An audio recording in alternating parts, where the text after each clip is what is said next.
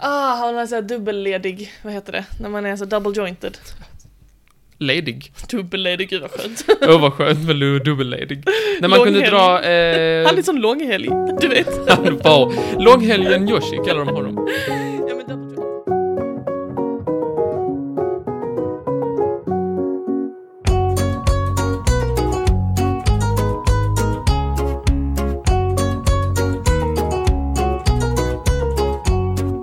Välkomna till Trivialist. Eh, Det 51 avsnittet. Okej. Välkommen. Eh, tack. Hur är läget? Är det bra? Men fan ska du säga vad vi heter? Jo, men jag tänkte jag Har du glömt? ut den. 51 avsnitt? Nej men utan? Våra rutiner betyder ingenting för dig tydligen. Okej. Jag heter Martin, du heter Molly. Ja, nu sa du mitt namn fast du har varit så våldsamt emot. Jo, men du hade din chans kan man lugnt säga. Mm. Eh, det är onsdag och dags för ett nytt avsnitt. Det stämmer. Eh, det är sol ute, Mm. sol ute, sol inne, sol i sinne. Som man säger. Som Lovisa-männen alltid säger. sol ute, sol inne, sol i sinne. Och sen ser de väldigt arga ut. Ja. Eh, idag ska vi snacka om Japan. Ja. Och du har en japansk looking tröja på dig lite grann. Det har jag inte. Det här är ett eh, svenskt märke. Alltså det är det. Men det, tycker du inte det påminner lite om sån där japanskt träsnitt? Jag har en tröja, vi målar en bild. eh, Visst. Jag har en tröja som har dels eh, djur, eller så här vattenlevande djur som bläckfiskar och fiskar överlag och Mm. någon liten, någon liten fågel. Aha. Men det är också, det ska då likna som att det är på havsbotten. Ja. Och eh, det är också till exempel eh, skräp, typ flaskor och sånt. Och plastpåsar. Så Ja, det det- ska vara ett politiskt budskap Ja, då. Att, att det är djur, men det är också allt skit människan har släppt ut i naturen då. Och det är ju då så att det ska vara lite så här kittlande, det ska kittla lite makthavarna att Så. man var dåliga är. Ja, så du är en vandrande moralpanik du. Visst. Jag har flera sådana, de har gjort många sådana tröjor. Jag har flera Extremt subtila politiska budskap. fiskar och plastpåsar, tycker ni är bra? Mm, tycker ni är bra, ja, men du har jaha, det jaha. Säger jag då.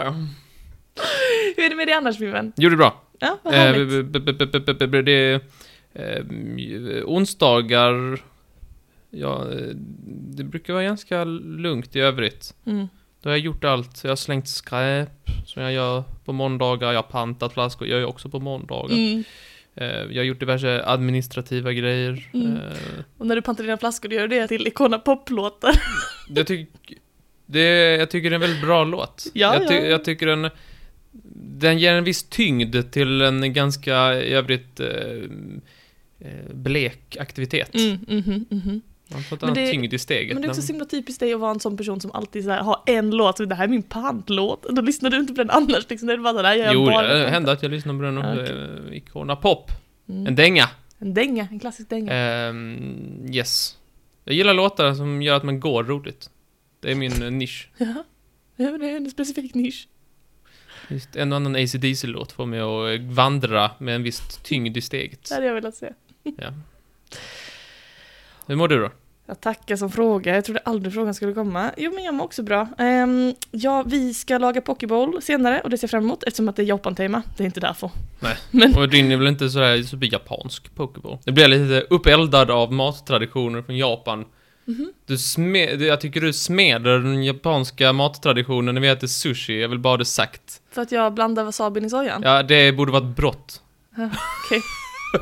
Ja, hellre smeda än som du göra, smeka sushin med ditt lilla äckliga wasabifinger kommer och Det är ju liksom så de gör. på varje det är ju det de gör på japanska liksom i Japan. Att man har liksom tagit ett finger med wasabi och satt Mm. eh, på sushibiten. Mm, och så smeker man sushin, man tallar på varje individuell bit. Här, kom här min lilla vän. Du Men sushi görs ju med händerna. I Japan är det okej att äta sushi med händerna. Ja, jag har, ingenting, jag har faktiskt ingenting emot att mäta sushi med händerna. Jag har någonting emot att man tar lite wasabi på ett finger och sen så långsamt skakande så rör vid varje bit som att man rör någonting dyrt och heligt. Alltså så som man gör sushi traditionellt. Ja, jag har någonting emot det. Jaha, alltså, jaha. Nej, jag tycker det är, jag tycker det är, nej, nej, nej. Du kastar mig i fängelse, även för detta. Nej, men jag tycker du har så god, eh, för det mesta har du en väldigt god matsmak. Mm. Men när du blandar wasabi och soja, nej då sjunker det skeppet. Sorgligt att höra. Jag vet. Men eh, om jag bara brydde mig så hade det varit sorgligt. Men eh, nu skiter jag faktiskt blankt i vad du tycker om hur jag äter sushi. Så att, Annars eh, är du väldigt duktig på att laga mat Ja, och smaker och sådär. Och krydda, mycket duktig på att krydda. Tack. din, din komplimang som du har bestämt dig för att du kan ge mig. Ja, Den tackar jag för. ja. Men så, så, nej det kan man inte, det kan vi inte ha. Nej. Tänk vad skönt att även när du ger mig komplimanger så kommer du på ett sätt att smyga in lite kritik. Ja, men det ska finnas rum för förbättring. Det, Mm. man hjälper inte en människa genom att ge komplimanger, utan att ge en... Man får ge two stars and a wish, Mhm. som man säger. Två bra saker och någonting att förbättra. Tänk om jag hade behandlat dig så. Alltså, det, alltså ja, nej. Hade jag varit ännu bättre? Antagligen. Mm, antagligen. ännu bättre, om det nu är möjligt. Att bli en bättre Ja, man. det tror jag. Det tror jag alltid finns en förbättringspotential. Tänk, och han är ödmjuk. Damer. Är du redo? Ja, Okej, vi ska snacka om Japan idag. ja. Ehm, Japan. Jag tycker ju, vi har bara haft ett ämne innan som varit liksom ett land, och det var Australien. ett land jag har väldigt mycket känslor inför. Och jag har faktiskt en del känslor inför Japan också. Jaha. När jag gick i mellanstadiet så, eh, fick, eh, så delades man in i par, och så fick alla par, liksom barn, eh, göra en presentation om varsitt land i världen Mm. på geografin. Gjorde du något liknande kanske? Eller vad? När vi gjorde svenska landskap, jag hade Västerbotten. Jaså, jag hade Värmland ja. Nu gjorde Hade du Värmland? Ja visst. Ja, Skogskärn. kunde inte jag tro. Nej, min... Du tog Värmland? Jag är släkt från Värmland. Det Ja. visste du väl? Jo, jo. Oavsett. ehm, när, när det gällde länder så var det jag och min kompis Matilda som, eh, som eh, valde Japan då och eh, det var en intressant resa. Eh, jag lärde mig allt möjligt om Japan, det här, eh, det största berget. Vet du? Eh, inte, jo, det, det vet jag ju, men jag kommer inte på det. Fuji, som är en aktiv vulkan till exempel, känner vi till? inte att eh, blanda ihop med ön, Fiji, precis. Precis. Folk blandar ihop dem. det gör de ja. Eh, vi kände till att, Gott vatten, vi kände till att huvudstaden är Tokyo. Och tidigare hette det, var det ett anagram på Tokyo, en annan stad som tidigare var huvudstad. Toyota. Kyoto! Nej, Kyoto var tidigare huvudstad, men, eh, men nu är det då eh, Tokyo. Känner till att det är ett eh, örike med fyra eh, huvudöar och sen så lite så olika. Och vi har också fått lära oss eh, då, eller jag och Matilda fick lära oss då, att det också är ett land som drabbas väldigt mycket av naturkatastrofer. Jag menar kontinentalplattornas hallabaloo, ja. Ja, deras jävla halabaloo. Dansa cha-cha. De dansar cha-cha. Eh, Det är tsunamis, det är vulkanutbrott, det är jordbävningar, det är liksom allt möjligt som pågår i landet. Och så är det väl, är det inte ett av de kärnkrafts... Eh, tätaste länderna? Som man har byggt på fyra eh, aktiva kontinentalplattor. Jo, det är speciellt faktiskt. det är ju... Ja men det är spännande. Ja men det är väldigt spännande. Det är spänning i vardagen. Adde- Addera till detta att det är ett oerhört bergigt land, vilket innebär att det finns väldigt lite yta att liksom odla på, men ändå så är befolkningstätheten väldigt, väldigt hög. Så kan man tänka att japaner, de lever och har liksom levt sedan öriket började bebyggas med liksom ganska så här ständig skräck för naturen. Jag har läst att eh, Japan är, eh, det här har jag läst vid något tidigare tillfälle, att ja, Japan är ett av få länder där det säljs fler vuxenblöjor än barnblöjor. Varför då? För de har en sån åldrande befolkning. Är det det? Ja. Det- Eh, det jag, har läst, jag har läst det att det är en åldrande befolkning och att eh, vuxenblöjor och så vidare. Fast jag måste bara säga en sak om den här, den här presentationen när jag gick mellanstadiet. Då skulle man ju söka information och det var precis i början av Wikipedia. Vad kan det ha varit, kanske 2007 eller någonting. Eh, så, så var det liksom att Wikipedia var kanske inte riktigt lika stort och liksom trovärdigt som det är idag. Så, men, och, och då fick vi ju ofta förmaningar, som säkert minns, att gå inte in på Wikipedia, där kan vad som helst stå. Och jag bara, ja ja fröken, rulla in på Wikipedia liksom, googla lite om Japan. Och så hittade jag, typ såhär, jag skulle googla om, om Japans största sjö. Och så stod det så här massa om sjön, den är så här stor, den ligger här och här. Och sen längst ner stod det så här, "Eh, enligt analys så består eh, sjön till 70% av urin. Då tänkte jag, kan detta stämma? Bara? Bara 70%. Ja, Det var, då, det var då min källkritiska ådra föddes. Inte heller urinsjön ska jag prata om, utan jag ska prata om ehm, ett liksom, vad ska man säga, sociokulturellt koncept, kanske till följd av det här med naturens ständiga närvaro i japanernas liv. Ehm, för Japan har ju väldigt många intressanta kulturella grejer going on liksom. Eh, och en sak som jag tycker är väldigt spännande det är hur eh, japanerna och den japanska kulturen har utvecklat så himla många monster. Mhm. Känner du till detta? Jag har sett uh, karnevaler när de... Det är alltså att i, i, man, man kan säga att om man tänker i Sverige så har vi liksom så här, ja, vi har typ varulven och typ vampyren och någon till. I Japan så har man liksom över 200 specifika monster som alla, eh, alla vet hur de ser ut, hur de låter, vad de äter, hur de beter sig när de dyker upp. Och det här är liksom en gammal, gammal tradition som går hela vägen tillbaka till alltså Edo-perioden 1600-talet som man hittar den första nedskrivna källan på det här lexikonet med över 200 monster. Otroligt va? Edo, var inte det den stora staden som var större än världens största stad vid något tillfälle? Det är säkert, det vet inte jag Är alls. inte det föregångaren till någon stad idag? Kanske Tokyo? Kanske Tokyo, eller Kyoto. Ja, visst. Kan vara. Monstren har i alla fall alltid funnits eh, i liksom folktron, men när, eh, liksom, vad heter det, bokpressen, heter det så? Bo- Boktryckarkonsten, Boktryckarkonsten kom så blev det liksom att man som, ju- förstå lexikon. som i Europa kom på oss av... Han, den där, du vet. Ja, precis. Jag skulle bara säga det kul. Tack. Gutenberg. Gutenberga. Men Ehm, man kunde det innan i eh, Kina. Ja. Säkert också i Japan. Säkert även i Japan. Och då eh, så skrev man ner de här monstren då, och man tror att det, det är liksom en kombination av det här karga landskapet med de här naturkatastroferna och ständig fara, i kombination med shintoismen, som är Japans, liksom, du vet, den här gamla, eh, gamla religionen innan buddhismen kom och liksom, nu är det lite båda, som grundar sig på en tanke om att allting lever. Och det här, de här två grejerna i kombination, att allting skulle leva och att man lever liksom ständigt i skräck att något ska hända, det har gjort att japanerna de har utvecklat, ja, det är en lista, det är en lång lista Okej. på sina monster. Det, den här, det finns ju då en, den här gamla eh, encyklopedin då, som jag inte tänker försöka uttala, eh, med alla monster. Idag så finns det eh, diverse online-lexikon, till exempel yokai.com, där man kan gå in och läsa på om olika monster. Och de är ju då, alltså de är ju inte, de är inte, de är inte särskilt normala de här monstren utan de är väldigt, väldigt märkliga många av dem. Finns de fotade? Eh, De finns inte fotade, Nej, inte de otur. flesta. Tänk att det finns så många och så har ingen lyckats fota någon. Ja men några på Reddit har lyckats, och suddiga fotografier och Jobbigt. Suddiga fotografier. Eh, precis. Mm, jag tänkte att jag skulle berätta om några av dessa yokai då, dessa monster. Eh, men först måste jag bara säga att det finns ju några så, eh, kulturella eh, hallmarks som du kanske känner igen från yokai. Till exempel Godzilla.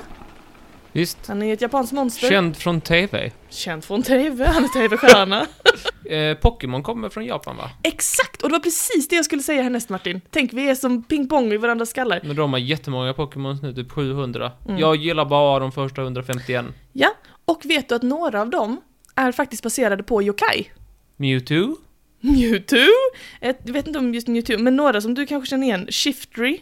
Det är den här med sån skalle på. Jaha. Som Jag sådär. gillar inte den. Eh, drowsy. Den här eh, som kan eh, hypnotisera folk och ha en liten snabel. Nej, jag gillar inte det. Jag gillar han med skedar. Jag, jag känner, jag förknippar mig själv väldigt mycket med honom. Alltid redo att äta. Alakazam! Heter han. Alakazam. Men hörde du vad jag sa? Att de är baserade på sådana här japanska monster. Mm. Många, många av dessa Pokémon. Ninetales till exempel är också baserad på en yokai. Ja, gillar jag. Mm. Jag. gillar jag. Det är från början en yokai då. Och så, så att när man kollar på Pokémon så ibland kan man säga hur fan kom de på den där Pokémonen? Men då är det alltså en kulturell del av det japanska folklivet som är de här monstren då som liksom lever kvar in i såna här små uttryck. Trubbish hoppas jag inte är en del av detta. Nej, Trubbish är ju den Pokémonen som ser ut som en soppåse. Har du sett den? eh, nej, men hade kunnat vara en del av detta. Eh, spoilers inför sina prator. Även typ manga och anime och sånt har gjort att, att yokai lever kvar i folks liksom, medvetande än idag. Och väldigt många av de yokai som kanske är lite mer så här läskiga och lite ödesdigra får ofta spela liksom, bovar i anime och sådär. Ehm, så det, det finns väldigt mycket att lära sig om och är man intresserad av detta så kan man alltså gå in på www.yokai.com Eh, och så kan man eh, läsa om alla dessa fantastiska monster. Och många av de här är ju svinläskiga faktiskt på riktigt. Eh, jo men det är de. Ska jag berätta för dig så kan du se om du inte hade blivit rädd om, om någon berättade det för dig när du var liten. Vi kan börja med Rokurokubi. Har du hört talas om den? Vet inte. Eh, namnet kan översättas direkt till eh, dragbar nacke. Jaha. Eh, och det är eftersom att eh, Rokurokubi är en, eh, ser ut som en vanlig kvinna, dagtid. En vanlig japansk kvinna liksom. Men på natten, när hennes eh, kropp går och lägger sig, så vaknar huvudet till liv och dras ut på halsen som blir lång som en orm. Och så liksom lever, så, så börjar eh, munnen då, hennes mun äta så lampolja. Som Mhm. får en sån jättelång hals som är typ så flera meter lång och så börjar den äta lampolja medan kroppen sover. inte det skitläskigt? Nej, det låter som någon som har kom, som kom på det för att vem är det som har varit uppe och, och läst och haft... Vem glömde lampoljelampan? Ja? Det var Men- Roku Roku. Nej, för den är helt slut nu. Vem var det? Och sen, ja men det var en kvinna som gjorde det. Hur gör hon det? Det är uppe i taket. Lamporna sitter. Ja, väldigt lång nacke. Visst, visst, visst. En annan yokai som är svinläskig, det är Ningen. Har du talat om den? Den är nog kanske den kändaste. Ehm, eller så här, bland de som faktiskt tycker det här är lite läskigt då. Det är som en stor vit humanoid varelse som döljer sig i havet. Och det har faktiskt funnits ganska många så här sightings eh, kring Japan av Ningen. Är det, eh, liknar de på något sätt de som finns i Minecraft? Jag vet inte hur ser de som ser ut som... Ja men de finns i det? Minecraftianska helvetet. Jaså? Eh, Nej men det lät, alltså stor, eh, stor vit blob. Mm, med två ben. Och så ett mänskligt väldigt ansikte små. liksom. Nej, jag vet inte hur mänskligt det ansiktet är, men det lät lite som när du beskrev det. Naja, Mm. hur som hade. Ningen betyder människa, för att det är så likt en människa men Ja, det, det, liksom det, det är. Minecraft inte likt en människa. Det är inte likt det är inte, det är inte jättelikt en människa, det kan jag inte påstå. Men marshmallow med ansikte, Ja, kanske. det är så, Ja, kanske men det kanske det är det. Kanske Minecraft är, vad heter han? Marcus Persson? Nej, han kom på H&M. Vem fan heter Notch? Heter hans, han som kom på Minecraft heter Notch. Även om det finns många väldigt läskiga monster. Nu har jag bara läst upp ett par, men alltså gå in på yokai.com om ni vill veta mer, för det finns väldigt obehagliga. Så finns det också några väldigt, väldigt dumma.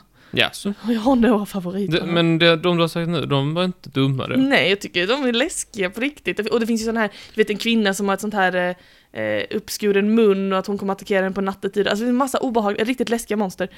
Men som sagt, det finns några rötägg. Ja, så bokstavligt talat. Ja, det finns det ju också då. Eh, Nurikabe till exempel. Det kan direkt översättas till gipsväggen. Jaha. Det Men det har vi ju här. Ja, precis. Det här är en yokai, Martin. Ah, vad jobbigt. Det är bara Får jag en... ringa Anticimex? Hallå, jag har ett japanskt monster mitt i vardagsrummet. Eller ja, mellan vardagsrummet och köket. eh, Norikube, den... ehm, Nu- Nurikabe menar jag. Alldeles vokaler. Nurikabe, den, eh, det är alltså en osynlig vägg. Som, eh, det är ett monster då som bara ibland bestämmer sig för att nu ska jag ställa mig i vägen för den här personen. och så ställer den sig någonstans och så kommer man inte runt den. Det är ett extremt kastmonster. Vad jobbigt. Ja. Den kallas Någonting ibland... för byggnadsnämnden detta. Ja, visst. Det kallas ibland för Mr Wall. Det tycker jag är väldigt kul. Mr Good Wall. day Mr Wall. Precis. Ehm, man har ingen aning om ifall den har någon önskan, om den liksom vill någonting. Men folk säger såhär, ja, nej, förlåt att jag är sen, jag stötte på uh, gipsväggen. Och folk bara, ja, ja, jag fattar. Jag, Jag gick fattar. in i vägen. jag gick in i... jag gick in i gipsväggen. Mm. Nästa är Ashinaga Tenaga. Det är två stycken yokai som samarbetar då och du ska snart få höra varför de samarbetar. Ashinaga betyder långa ben och Tenaga betyder långa armar. Det är alltså två gubbar, en med väldigt långa ben och en med väldigt långa armar, som då samarbetar med att fånga fisk. Så att Ashinaga bär på Tenaga så att Ashinaga kan vada ut med sina långa ben i vattnet och så kan Tenaga sträcka sig ner och fånga fisken och så äter de den tillsammans. Det låter som ett harmlöst monster. Visst är det ett harmlöst monster? Jag fattar inte. Och det, det är så konstigt att det här blivit liksom en legend som man berättar för barn om. Det är bara en jättekonstig bild. Så här, en, en, gubbe bär, en gubbe med långa ben bär på en gubbe med långa armar och så fiskar de. Ja.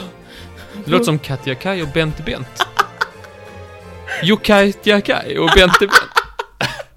Yokai Jakai! och Bente Bent, ja. Jag kommer inte behöva något bra till Bente Bent. Yokai Jakai.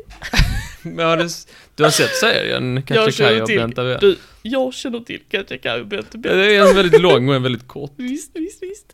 Tänk dig om Katja Kaj hade haft jättelånga armar. Så, Mm. så, så är eh, Ashinaga. Nej men då har jag bilden. Mm, bra. Men min absolut favorit och den bästa yokai som någonsin skapats eller kommit på, det är en, en eh, yokai som kallas för lite olika saker beroende på vilken källa jag har hittat. Den kan kallas för karakasa eller för kassa obake. Och det är då ett paraply Jaså? med ett öga Nej, bara ett? mm, som hoppar omkring och förföljer folk som har glömt den någonstans.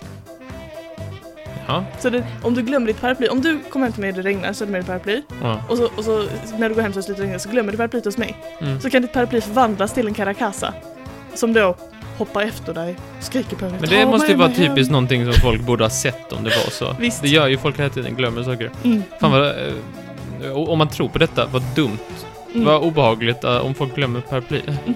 Får vi bränna upp den då, så den inte blir ett monster. Ja, men det är precis så. Men det kan inte vara hur gammalt som helst, den här monstret. Jo. Jag vet faktiskt inte hur gamla gammalt det är. paraply? Jag vet inte hur gamla paraplyer, men det, det finns ju många sådana här när det är liksom eh, eh, föremål som har fått en själ typ. Men jag tycker ändå att Caracasa är den roligaste för det är så jävla dumt. Man kan googla, det finns bra bilder på Caracasa. Ehm, så det var några, några av de här yokaierna och eh, som sagt det finns väldigt mycket mer att lära men eh, det var mina favoriter. Hoppas du lärde dig någonting nytt. Ja, men det gjorde jag. Mm, Det gjorde vad jag. Tack så mycket. Varsågod.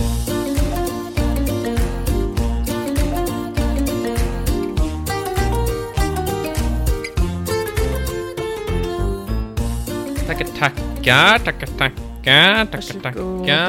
Ja, ja, ja så, så kan det gå. Inte haspen på. Okej, då ska du få lite smågodis av mig. Hurra! Ja, och det är tema Japan och du ska få veckans Martins historiska person. Veckans Martins historiska person! Visst? Är du beredd? Jag är redo. Eh, vet du vem Shizu är? Shizu? Han har ett efternamn. Kanaguri. Nej. Shizu Kanaguri. Nej. Han är också känd som japanen som försvann. Oj, spännande. Väldigt spänn- spännande. Vet du var han försvann? Kanske över Stilla havet? Nej. Nej. I Sverige. Här, det är ju vårt land Martin. Jag vet. Visst är det det? Vilket sammanträffande. Ja, Shizu. Eh, han var då en, eh, han var då en, eh, en japansk geografilärare. Mhm, mhm. Eh, han var inte bara det, utan det han var mest känd som var att han var en sån här löpare. Han sprang. Mhm. Springare. Springare. Eller löpare, det beror på vilket schack man spelar. Jaha. Eh, han var då med i olympiska spelen i Stockholm. Vilket år? 1964. Nej, 1912. Ah. Som också kallades 1912. Solskensolympiaden. Det ja. här ska du kunna, detta ska komma med barnmaten. Så, sporthistoria är inte riktigt mitt ämne du jour. Här har Sverige haft OS en gång och du kan inte... Du, du, du, du, nej. Du, Vad kallas det? Så? Det Solskens-OS? Solskensolympiaden, för det var så bra väder. De borde kallat Solskyddsolympiaden. Nej, det hade du ingen. Det hade ingen. Yes, nej men... Shizu, han skulle då vara med och representera Japan eh, som, eh, som springmänniska då. Ja. Alltså löp, löpmänniska. Ja. Eh, och han hade tagit sig eh, den långa, långa resan eh, som båda hade varit med den här trans, trans, transsibiriska järnvägen samt ångbåt hade han Mm. fått använda sig av. Det hade tagit typ tre veckor. Ja. Ehm, och så kom han till Stockholm och eh, kunde inte sova på Mm. hotellet. Jobbigt. Mm, tråkigt. Jobbigt med som problem. Det Mm. kan ju vara jetlag. Mm. Eller ja. Ång, ång, Ångläge. nej, ångbåtsläge. Ja, ja, ja, läge. Mhm. Mm. Så ja.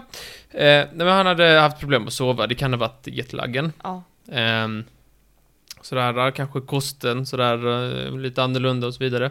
Men han hade haft lite problem med, med både det ena och- och det andra. Mhm. Så han var inte det bästa formen för att springa. Nej. Eh, och när dagen väl kom så skulle en bil hämta honom för att ta honom till eh, maratonstarten. Han Mm. skulle då springa maraton. Mhm. Eh, men det gjorde inte den. Nähä? Någon hade glömt att ringa ett sam- samtal. Men vad är detta för en historia av haverister? Visst, så han fick springa till starten. Satte han igång klockan då och sa jag har faktiskt redan börjat.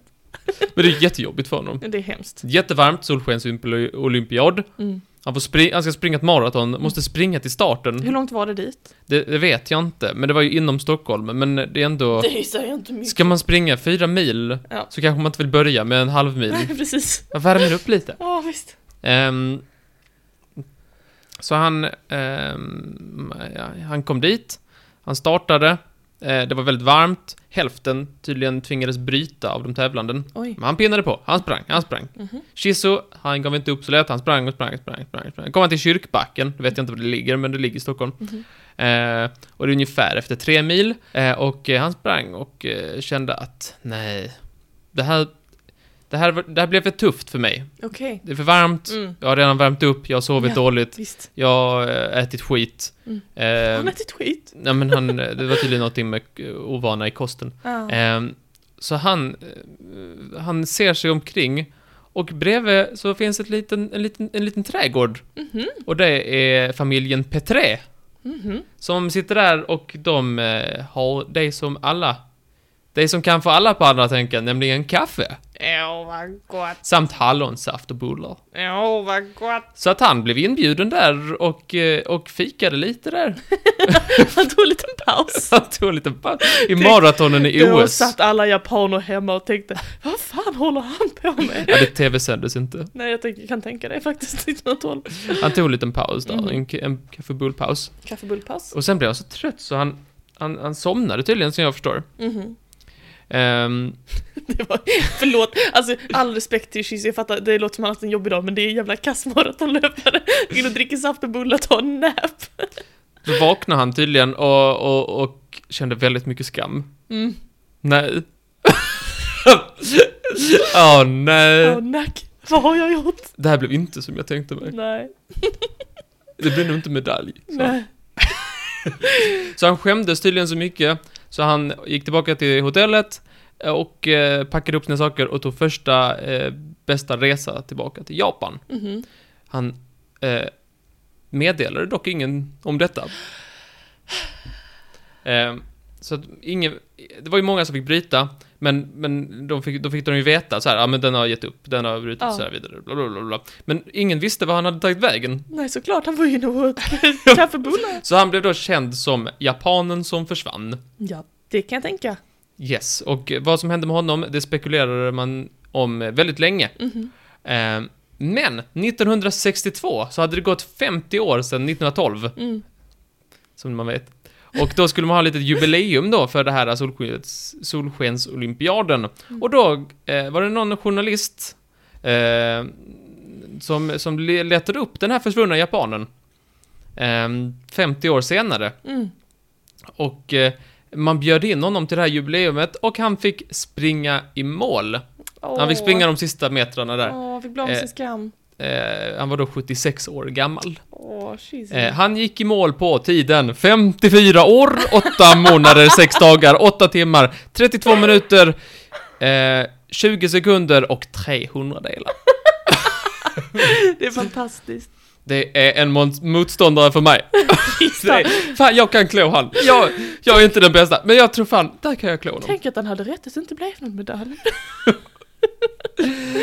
Ja, till hans försvar hade han fött sex barn under tiden. Hade han fött sex Nej, barn? han hade fått sex barn. Ja, han hade fått sex barn, ja, jo det. Ehm, så det var ju, det var ju trevligt. Mm. Ehm, så det var, jag inte jag, en liten trevlig. Japanen som försvann, som fick upprättelse där. Så det är vad man brukar kalla för eh, kanske världens längsta maratonlopp. Ja, det får man kalla Eller det. med den sämsta tiden. Visst. Helt otroligt. Ja, visst, varsågod. Tack så hemskt mycket. Tackar, tackar, tackar, tackar, tackar, tackar.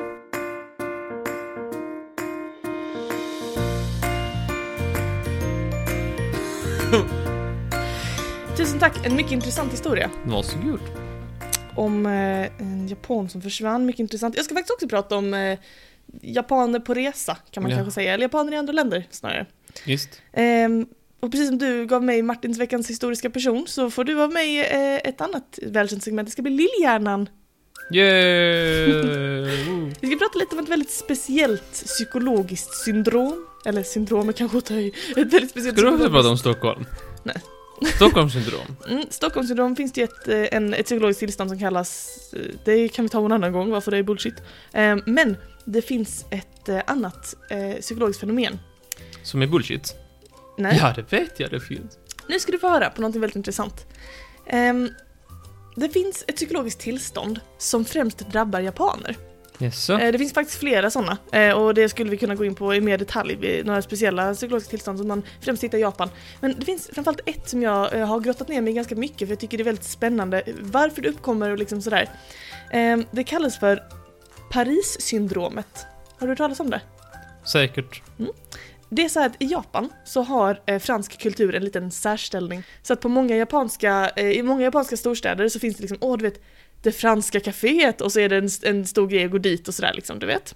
Man har en bild av Frankrike som en, en romantisk och eh, elegant stad som är liksom fast i tiden på typ så här 1800, 1900, tidigt 1900-tal kanske. Vi har ju ett, The Swedish Fika vi har ju The Swedish Fika. i New York. Ja, precis. Och i London faktiskt. Det fanns Jaha. också ett ställe som heter Fika. Men per, ehm, eh, Paris då, eh, framförallt, det är ju då att japanerna har en bild, åh det är så, man går dit och det är folk i höga hattar och det är folk som bjuder på une baguette s'il vous plaît och man, man åker cykel med en liten korg och så har man randig tröja och scarf och säger bonjour, du fattar. De har den här bilden av Paris som den där Har inte perfekta den lilla la- töntiga mössan också? En liten basker på sned. Bask. Bask. Precis. Så, vad gör man då om man är en japan som, som, som faller lite så här offer för den här fransk, eh, liksom franko, frankofila läggningen? Att man bara åh, Frankrike, det romantiska och eleganta landet, Paris, den mest, den mest liksom ärofyllda staden. Jo, man åker ju dit. Mm. Nu i dagens värld med globalismen, man kan ju åka hur lätt som helst Martin. Det Ja. är bara att packa sitt pick och pack och dra. Men, vad händer när de här, de här rose tinted glasses japanerna kommer till dagens Paris tror du? De blir besvikna. Ja, de är väldigt besvikna kan jag säga. Om de tror att de ska komma till en stad fylld av romantik och gentlemanism och liksom en, en, en vacker och, och, och ren och, och eh, söt stad, så har de helt fel. Har du varit i Paris? Jag har inte varit i Paris. Nej. Jag ser nyheter. Ja. När de kommer med traktorer och lämnar hö på den där uh, bågen. Jag har varit Cheveux Cheveux heter den. L'Arc de Triomphe, Nej, Cheveux Cheveux. Champs-Élysées, Champs-Élysées. Champs-Élysées. Ehm, Jag har varit i Paris Ja. och jag kan säga dig att det är den smutsigaste staden. Är det inte alls som i Rotatouille? Den är inte alls som i Rotatouille. Eller, den är Ja, liksom, lite är det med råttorna kanske. Det är ju, eh, alltså eh, Parisborna är kända för sin otrevlighet. Eh, Man får inte prata engelska med dem. Man får inte prata engelska, men de är också bryska, otrevliga, de harassar alla kvinnor som går förbi. Ja, nu drar vi alla över en kam. Skönt när Men vi det- kan göra så. Nej men det är liksom, det är en, det är en allmän otrevlig stämning då i staden, är välkänt. Eh, det är också väldigt smutsigt, det finns otroligt mycket liksom duvor och råttor och det är liksom bara inte så som man föreställer sig om man har den här stereotypa bilden av Paris åren. duvor inte de flesta har problem med. Det tror jag. De, de franska duvorna är närgångna Martin. Och smutsiga. Så, när japanerna kommer till Paris får de både en kulturchock, de har jetlag, de kan eh, vara trötta och framförallt så är det då, precis som du sa, den här stora besvikelsen att det här var inte alls det som jag hade hypat upp till att bli. Och då har man eh, kunnat eh, sätta ord på då ett, ett specifikt syndrom som uppstår eh, när japaner kommer till Paris. Det kan drabba folk av andra nationaliteter och det kan också hända när japaner åker till exempel London eller möjligtvis Berlin. Men det är framför allt japaner och Paris. Då drabbas de här turisterna av eh, hallucinationer. Man kan bli så här delirious, att man inte går att kontakta, att man liksom är i en helt annan verklighet nästan. Man kan bli väldigt yr, man kan börja svettas mycket, man kan till och med behöva spy, man kan få feber av den här plötsliga situationen då. Det finns ingen annan förklaringsmodell som funkar. Vet du vad jag eh, tycker detta låter som? Nej. Eh, En bullshit-syndrom. Nej, nej, nej, nej, nej, nej, nej. Lite som nej. du sa till Stockholmssyndromet. Hur många turister per år tror du att den japanska ambassaden tar emot som har drabbats av detta? Varje år. Ja. 2000. 2000! 2000 Martin! 200. Nej, men, nej, det är 20! Det hade väl, det, då hade det varit en mycket större nyhet om det var 2000 Men kan inte de bara ha fått någon annan, något annat? Men de uppger ju själva att så här, det, som, det som har drabbat dem, den psyk- psykologiska stressen de har utsatts för, det är att Paris var inte vad de trodde. Kan det inte vara så att de aldrig har varit i något annat land heller? Jo, absolut. Ja, jag sätter jag på mina, ska, mina skeptiska glasögon. Alltså du plockar ur dem, du dammar av dem faktiskt för en gångs ja, skull. måste jag vara pyttelite skeptisk för en gångs skull. Den japanska ambassaden ser det här som ett så pass stort problem att de har en, en så här dygnet runt helpline som man kan ringa för japaner i Och då Paris. får man prata med en eh, 1800-talsfransman. Nej, men då får man prata med någon som bara ja, man ringer och bara det är inte alls som jag trodde och det är någon som bara ja, jag vet det är hemskt, det är fruktansvärt, ta det bara lugnt, djupa andetag. Och så, Men kan de inte bara googla innan de åker? Eller det, det kan ju inte vara så... Resebolagen, har de liksom så här 1800-talsaffischer? Eller är de helt... jag vet inte och jag vet, vet Är det heller bara inte fördomar? jag Jag, heller kan inte- tycka det är lite fördomsfyllt. Jag vet inte, och jag vet inte hur länge eh, det här liksom har varit ett stort problem. Eh, syndromet identifierades för typ snart 30 år sedan.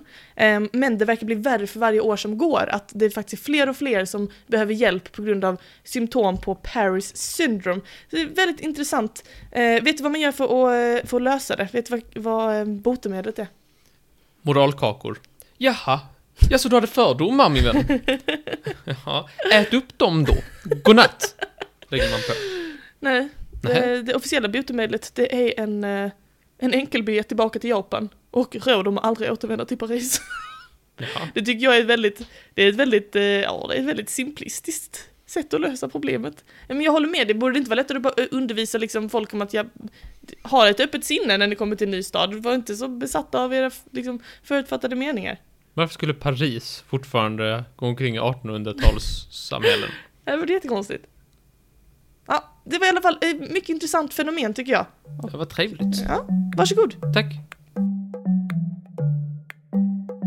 Jag ska prata om Yoshi. Vem är Yoshi? Eh, Shiraturu. Shiratu, shi, Shiratori. Okej, Yoshi Shiratori okej. ska jag prata om. Aha. Han är världens... Nej. Han är Japan och kanske världens bästa fängelserymmare. Oj! Det tycker jag är jättekul ju. Ja, visst, det kan du tycka om du vill. Vi får se om jag lyckas ta det ur dig. Eh, han levde då. Han föddes eh, på eh, sent 1800-tal och i hans tidigare liv, alltså hans tidiga liv, alltså under hans ungdom, en så provade han många yrken utan att finna lyckan. Kan du känna igen dig i det? Ja. Vad är det för en pik? Ja, jag har haft många jobb och vilken diss. Nej, nej, det var ingen diss, det var bara en observation. Ja, visst, Eh, absolut, absolut. Då vände han sig till spel och dobbel, Mm. samt snatteri. Mm. Två ärofyllda yrken om du Yes, mig. och detta ledde då till att han dömdes till sitt första fängelsestraff 1936 Mhm. på Aomori-fängelset. Mhm. Många vokaler. eh, och som den klyftiga lyssnaren förstår så kommer han att ta sig fri. Mm. Alltså det var sjukt konstigt. Ja, Han dog. Han dog sen 50 år senare. Det var min eh, snacka. Nej, han skulle rymma eh, från detta fängelse. Mm. Och detta är då den första gången han rymmer från ett fängelse. Mm. Och eh, det gjorde han klockan 05.30. Okej. Ett sådant helvete, tycker du? Du kan ju Ja. inte vara vaken då. Nej, jag hade hellre stannat i fängelse. Det är ju sen kväll. Alltså det är på natten ja. Ja. 05.30 i natt. 05.30, då gick eh, vakterna förbi. Och han hade studerat flera månader för att eh, se alla rutinerna som fanns. Och han visste att han hade 15 minuter på sig innan de skulle komma tillbaka igen. Mm. Eh, när, de var, eh, när kusten var klar så tog han fram en, en metalltråd. Mhm. Och hur han fick denna, där, där de tvistade lärde. Okej. Vissa säger att han fick dem i en badtunna. Mhm. Eh, vissa säger att han, att han tog bort dem från en, eh, en, en hink. Mm. Så att det är väldigt spritt Ja. vart det kommer ifrån. Vilken hink kommer det Vilken, ifrån? hi- vilken behållare. Eh, lite oklart. Många grejer är lite oklara eh, Ja. kring detta. Men jag, jag, jag försöker gå på... Det är mycket tecknade YouTube-videos jag har gått på faktiskt. Mhm. Yes, men han, han har då den här lilla metallbiten då, Ja. snöret. Och han lyckas då pinna upp låset. Ja, visst, det är inte så dramatiskt. Han lyckas med det.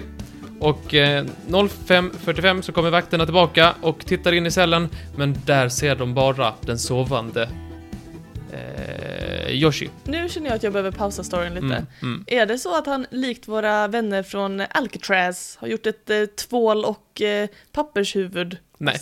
Han har tagit lite brädor. Jaså? Det, Inte riktigt lika sofistikerad. Det är lägre ambitioner och lägre kompetens på vakterna. För, för jag, anledningen till vi har ju pratat om Alcatraz-rymningen tidigare. Precis, I precis. typ låst kanske eller någonting, jag minns inte. Det var låst. Ja.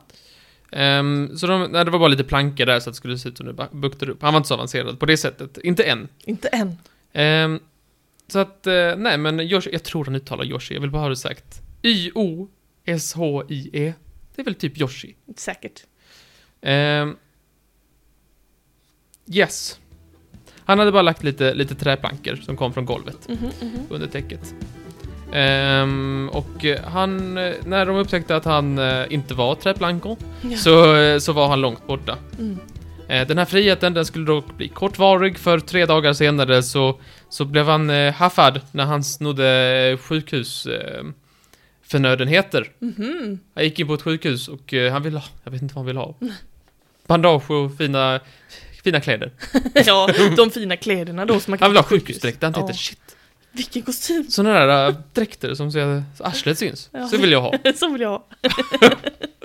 Konstigt ställe att ta om man ska ha kläder och gå till ett sjukhus just med de sämsta kläderna. Sådana där skor som är sådär Åh, jättebuckliga. såna där blåa skoskydd. Det är min favorit. Vill, tror du han vill ha det? Nej, det tror jag inte. Man får ha dem på Stata Engelska ställen. Han var väldigt strategiskt och är typ genomskinlig. Eh, yes, nej men då åkte han fast igen. Dammit. Var han Dammit. där igen? Ja, nalla. Ehm, det är lite oklart, ja, det är lite oklart kring hans liv i övrigt om han hade familj och sådär. Vissa säger att han hade det, vissa nej, säger att han inte hade det. Förlåt, vilket år att detta var? Detta var, det- hans, han kom in i fängelse första gången 1936. Okej, Så tre dagar senare, tillbaka igen. tre dagar senare. Mm. Yes. In i fängelset igen, utan att passera gå, Mm. sa de. Ehm, och han satt då där ett tag sådär. Eh, och eh, åren gick. 1942, då var det andra världskrig. Ja. Eh, och då satt han i Akita-fängelset, Mhm. som ligger i Akita City. Mm, jag tänker, de är ju så kreativa med namn. Där blev han då mycket dåligt behandlad. Jaså. Eh, alltså det var väldigt hårda förhållanden och sådär och vakterna var tydligen väldigt, väldigt taskiga och han, eh, nej, han, eh, eh, väldigt dåligt behandlad. Mm. Eh, och han, han blev då väldigt, eh, han blev nästan lite, då fick han en uppenbarelse vad han ville göra lite, en, en, en, en hjärtefråga han fick i livet sen var att han ville förbättra förutsättningar för, för eh, fång, fångar i fängelse och sådär, för att de hade det väldigt svårt. Det kommer, det, kommer vi, det, det kommer vi tillbaka till sen. Men han hade det väldigt tufft. Man visste ju att han hade eh, rymt tidigare, Mm. så man hade gjort en specialtillverkad liten cell. Eh, Är det sant bara för honom? ja, tydligen. Lol. Han har för mycket specialtillverkat, det kommer du få säga sen. De är väldigt måna om honom. De tänker, här ska vi bygga. Nu åker vi till Ikea, sa alla. När han, är det sant? Kommer Yoshi? Då åker vi till Ikea. Är det någon sån inredningsingenjör som har fått sitt drömjobb att bygga Yoshis cell om och om igen? Åh herregud, tack för möjligheten. Nej, eh, han, det var då ett, ett, ett rum som var väldigt litet men extremt högt i tak. Mhm. Typ som ett mjölkpaket. Som ett mjölkpaket ja. Ungefär, så tänker jag att det är. Med en liten, eh, med ett litet fönster uppe, längst Mhm. uppe. Det var det enda fönstret, var liksom i taket. Ja. Högt upp. Ja. Eh, omöjligt att, eh, att eh, liksom fly från. Det var så Mm. koppar på eh, väggarna så man, kunde, man var gled om man skulle försöka klättra. Och dessutom så skulle han ha handfängsel. Mm. Jobbigt. Mycket jobbigt. Men visst har suttit i sex år nu? Ja men han, eh, det andra fängelsestraffet så fick han ju straff för att han hade rymt också. Man får ju pålagt straff. Men ändå, alltså sex år i en sån kopparcell som är formad som ett mjölkpaket med handfängsel. Ja men, du säger, men de hade ju också jättedåliga förhållanden för fäng, fångarna. så Ja, de kanske... Ja, hemskt. Ehm, det var nästan inget solljus då, Mhm, i det här, för det, på grund av det lilla fönstret. Och man tittade ju in till honom varje dag. Ehm, det ska också nämnas för historien att det var en av vakterna, faktiskt en av hö, högsta potäterna på av vakterna, Ja. Kob, Kobayashi, Mhm. som då var väldigt eh, liksom, eh, sympatisk. Mm. så här, omtänksam och så vidare. Mm. Och, och, och eh, visade lite mänsklighet till den här. Och det kommer bli viktigare sen. För en stormig natt så kollar de in i, i rummet och ser att han är väck. Han är väck! Han är väck igen! Ehm, Den lilla rackaren. lilla Han gjorde det igen! Bosse! Bosse, titta! Han är borta igen! ah, den lilla rackaren! Han kan inte kommit långt du. Eh, så sa de inte. Men hur gjorde han då? Om han Jo, men det ska jag berätta för dig. Ehm, han hade tydligen lyckats ta sig igenom handbojorna genom att eh, picka låset med en, eh, en... Han hade också hittat en ståltråd igen. Nej men det är något Det är ju- otroligt. Kopparväggarna gick tydligen att få loss en liten bit som han kunde picka... Eh, vet inte vad det heter på svenska? Jag säger picka låset. Ehm, yes, så det hade han lyckats med. Sen visade det sig att han var en väldigt duktig klättrare. Jaså? Eh, Trots de här oklättringsbara väggarna Ja, så lyckades han ändå liksom klättra sig upp. då undrar jag. Jag tror han pressade sig åt båda hållen. Exakt, Och det skulle inte gå, han, han tränade tydligen väldigt länge. Så här, trä, upp lite, föll ner, bonk. Ja. Tränade, och sen helt plötsligt så kom han längst upp. Ja. Och då inspekterade han det här lilla fönstret med ett litet galler. Mm. Och sa att, ja men det är järngaller som jag förstår det, Men själva ramen var av trä. Mhm. Och den höll på att ruttna. Så varje dag efter sömn, eh, insomningstiden, heter det inte, så gick han upp och... Inte gnagde, vad heter det? Alltså han Vickade han på vickade på, gallret, den för att se så här. Och, och en dag så var den tillräckligt lös för att man skulle kunna öppna den. Om jag har förstått det rätt nu så är det så att han klättras upp. Rummet är så pass litet. Jag tänker typ en kvadratmeter. Eller en och en Lite halv. mer, han hade en säng. Ja okej, säg en och en halv kvadratmeter, två kanske. Att han då lyckas, lyckas trycka handflator och fotflator, heter det verkligen inte. Men han- handflator och fötter mot väggen och liksom klättrar upp. Som Så har jag förstått det. det. Och sen så går han upp och, men då undrar man ju hur fan han lyckas hålla sig fast och samtidigt rucka på ett galler liksom. Det Ja, måste han krävas måste en otrolig styrka. Ja, mycket god klättrare måste ja, han ha varit. absolut. Eh, yes, så det lyckades han med. Eh, och sen en dag så, så fick han loss det här eh, sån, och då behövde han bara rätt tid. Och den stormiga natten blev den perfekta tiden. Just det, för då hörs det inte. Då hörs det inte hans fotsteg på taket. Vilket geni. Vilket geni, men du ska se, han, det kommer smarta upp sig lite. Nu var de imponerade fängelsevakterna. Så Bosse! Nej men se, han har klättrat på koppar. Hur fan lyckas han med Hur det? gör man ens det? Jag tycker jag ska be om att autograferna Vi måste, frå- vi måste säga till Lasse också. Vi måste säga det. Lasse! Sa de inte. Nej. De var eh, ytterst sura, Mm, säkert. Sura är nog ordet ja.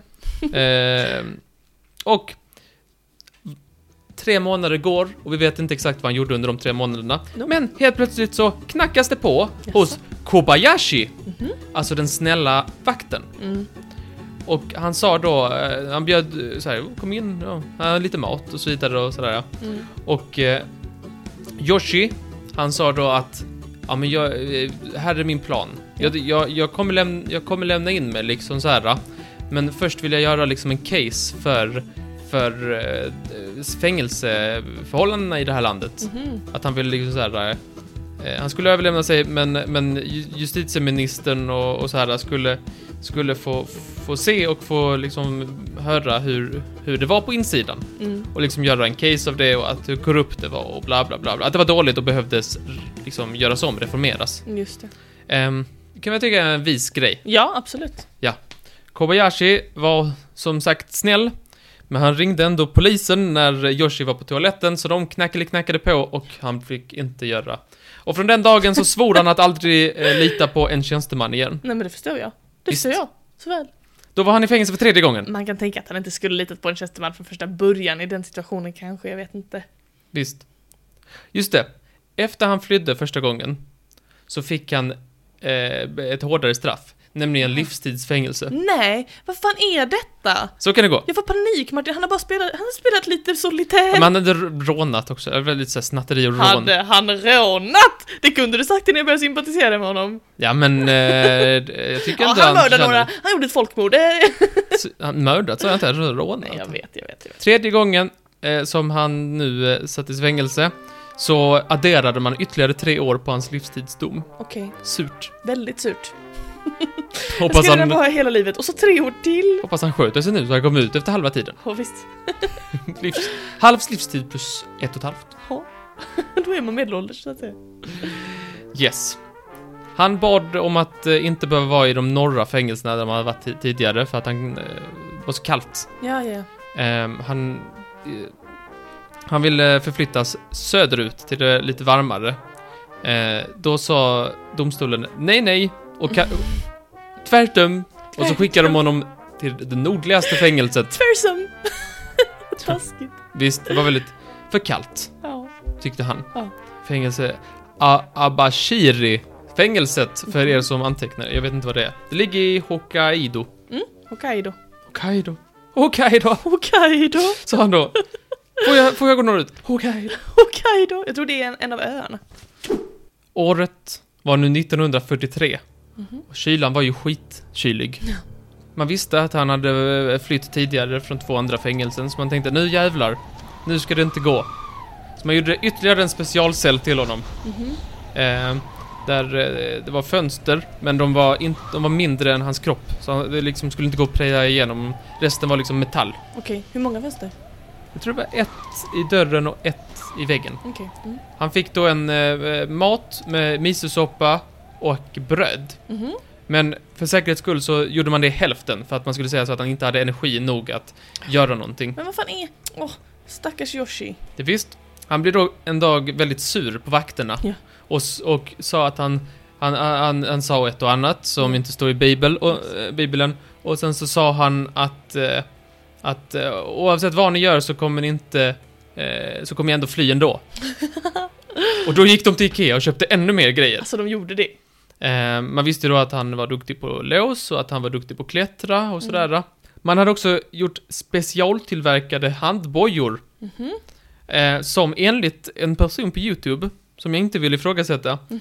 behövdes två stycken järnexperter Mhm. för att öppna.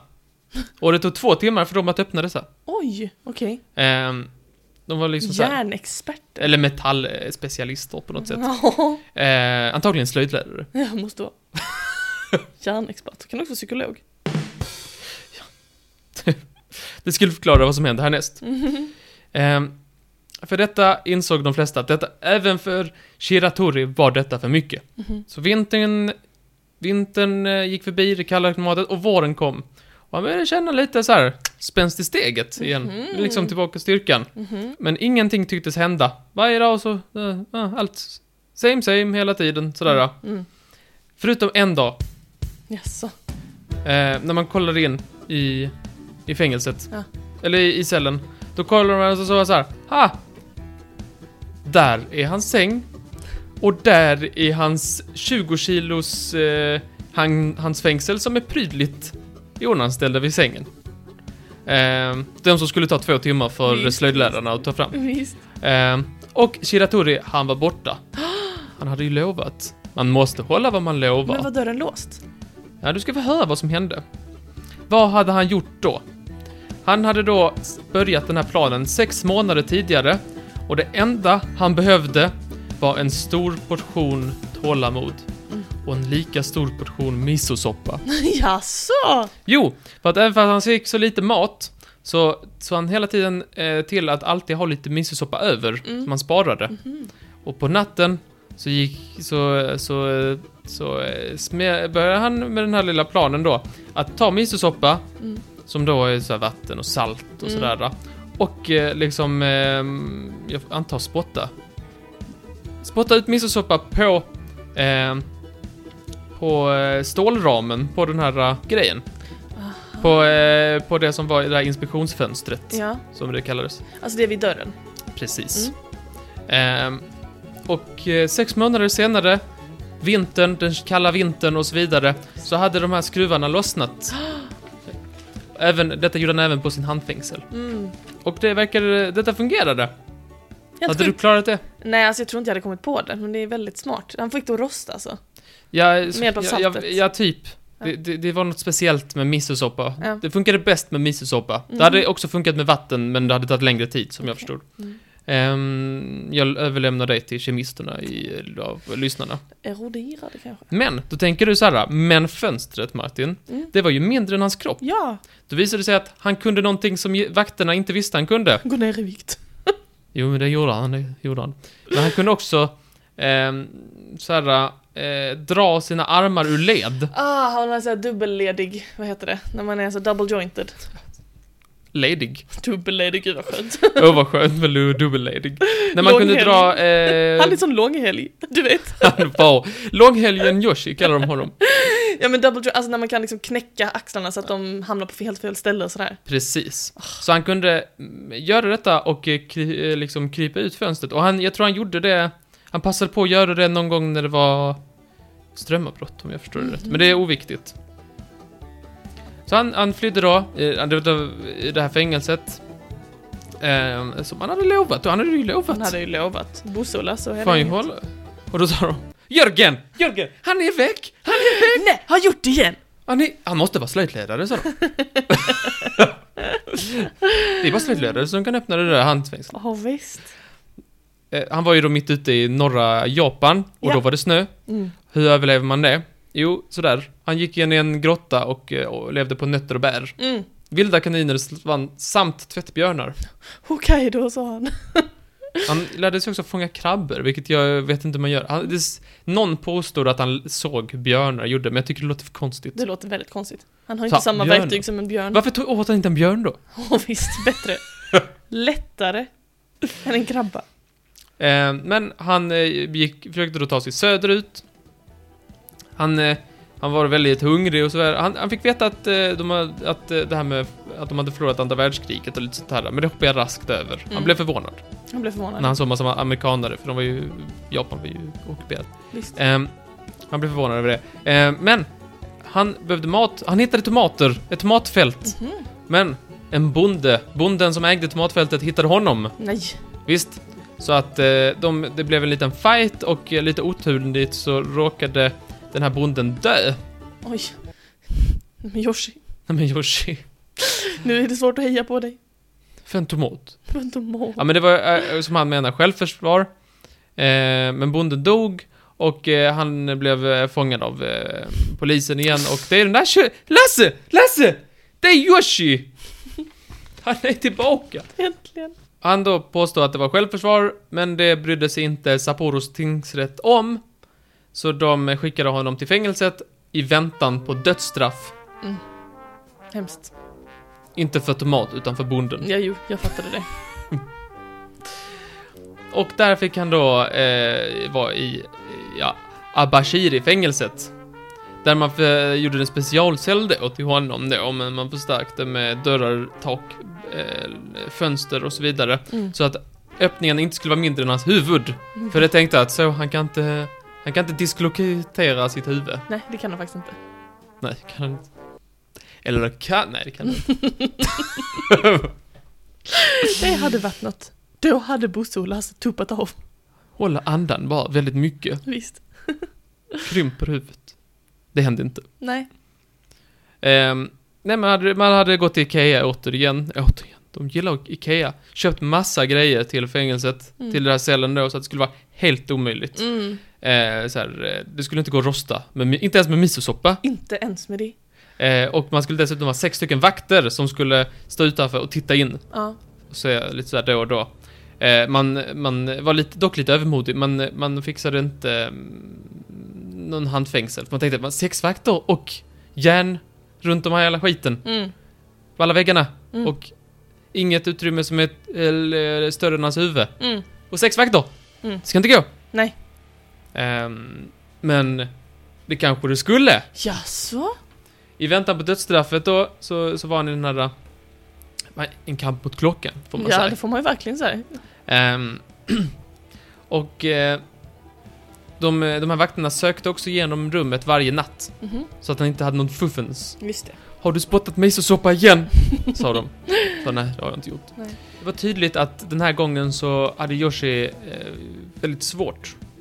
Man sa så här, nej men han, han håller ju på att snappa. Han gör, ju, han gör ju ingenting om dagarna. Han sitter, han står bara och tittar upp i taket. Vad läskigt. Han, han försöker, han försöker hitta liksom en, en liksom en, ett sätt att ta sig upp genom taket, Mm. sa de. Mm, Han sa låter som en Ja, yokai. bäst vi kollar, bäst vi kollar upp i taket så att han inte gör någonting dumt. Mm. Men detta var bara en skenmanöver. Jaså? För varje natt så pillar han av gångplankorna, Golvplankorna? golvplankorna under sin eh, madrass. Mhm. Och när det såg ut som att han låg i sängen så var han under madrassen och grävde med skålen till misosoppan. Nej! Det kommer tillbaka! Gång på gång! Bästa verktyg! Ska du, ska du få en, får du välja mat när du är i fängelset, ta misosoppa. Ja, det är det bästa. Det är det bästa. Synd att det smakar så himla illa. Ja, det smakar riktigt skit. Så han grävde med sin misosoppaskål. Mhm, mhm. Han grävde och grävde och grävde. Och de sa så att nej men han håller ju helt apatisk. Nu går han inte ens upp Nej. längre. Han bara ligger i sin säng. Precis. Eh, men det visade sig att det var ju bara plankor. Återigen, Återigen plankorna! förrädiska plankor. Eh, han grävde sig upp med sin misosoppaskål, Mhm. eh, grävde sig ut och lyckades även fly detta. Så när de Gud, upptäckte alltså. honom så sa de Jörgen! Han är borta! Han blir plankor! eh, nej men så såg man att eh, man lyfte lite på plankorna och så man, nej men här är ju ett hål. Mm, visst. Eh, jobbigt. Helt otroligt. Fjärde gången! Ja. Det är fjärde gången han, han sticker sjukt. från ett fängelse. Ehm, och eh, nu, eh, så här, han, han flydde. Han hade dock blivit lite till åren nu, han var 40 plus någonting sådär. Uh, han, men han, han gick. Det var en ung mans spel. Eh, Det hände inte så mycket. eh. Sen satt han vid något ställe och då kom en polis fram Mhm. Och så snackade han lite med polisen och han, eh, och, och liksom så här, eh, Yoshi han "Åh, nej, polis, nu måste, jag, nu måste jag försöka ta mig härifrån lite smidigt så här. Ja. Och vet du, då gjorde polisen det oväntade Mhm. i Yoshis ögon. Han erbjöd en cigarett. Nej, Visst. vad snällt. Och cigaretter vid den här tiden, efter andra världskriget i Japan, Mm. var extremt dyrbara. Okej. Han såg det som en väldigt snäll, så här, en snäll gest. Mm. Och han, eh, eh, av respekt så tänkte han, jag måste säga mitt riktiga namn. Som jag förstod att han menade, men det är liksom så här, jag vet inte, Mm. det var väl tydligen respektfullt. Man måste säga sitt eget namn. Och då sa han ju det och berättade att han var den här fängelse, fängelsepersonen som har rymt. Mm. Och då blev han ju haffad igen. Ja men tänk. Tänk. Vem hade kunnat ana det? Men han, han berättade att detta var en väldigt, eh, väldigt fin gest. Okej. Han hade ju sagt att han ska aldrig mer lita på, på tjänstemän. Denna gången när han skulle till fängelset var att det som hade hänt, det var att Japan hade delvis blivit ett annat land. Mhm. Sen han eh, blev dömd till fängelset tidigare. Domstolsväsendet hade reformerats. Eh, En del polisväsendet hade också gjort det. Eh, Man, man, man kollade på det här fallet och sa, ja men det här med tomaten, det var nog bara självförsvar. Mm. Tog bort dödsstraffet och sådär. Och han fick till slut 20 års fängelse. Mhm. Eh, och eh, ja, de här, det, det var bättre, bättre, under bättre förhållanden där vakterna var schyssta och sådär. Och eh, det beskrivs i alla fall, det finns ingen intervju med honom, men det beskrivs i alla fall att han, han, han satte de här 20 åren eh, i, i något slags gott mod. Mhm. Och satt där så här, eh, la, lydigt. Han Mm. var tydligen en liten mönsterfånge Jaså, i var 20 det? år. Sen så kom han ut och levde de sista åren i sitt liv som en verkligt fri man. Ja, wow. Och eh, jag vet inte om detta är folk på internet som vill ge det här lite sån, en wholesome mening och så Nej, här, att det ska vara så här. Det kan vara en försköning av verkligen. Mm. Men, men han satt där i alla fall i 20 år och, eh, och sen så kom han ut och levde de sista 10, 15 någonting åren som en fri man. Mm. Så är lite spännande sådär. Jag tyckte det var lite, jag tyckte det var lite, för, lite intressant att, att, att läsa om. Men så jag ville bara dela med mig av det till honom. fyra gånger från fängelset, tänka sig. Helt otroligt alltså. Vilken king.